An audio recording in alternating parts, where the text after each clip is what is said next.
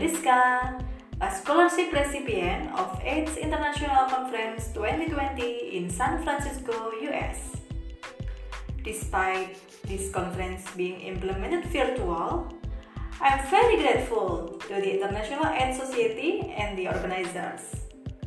I can present my research on the female condoms utilization and gebrak innovation to increase your participation in VCT in Indonesia.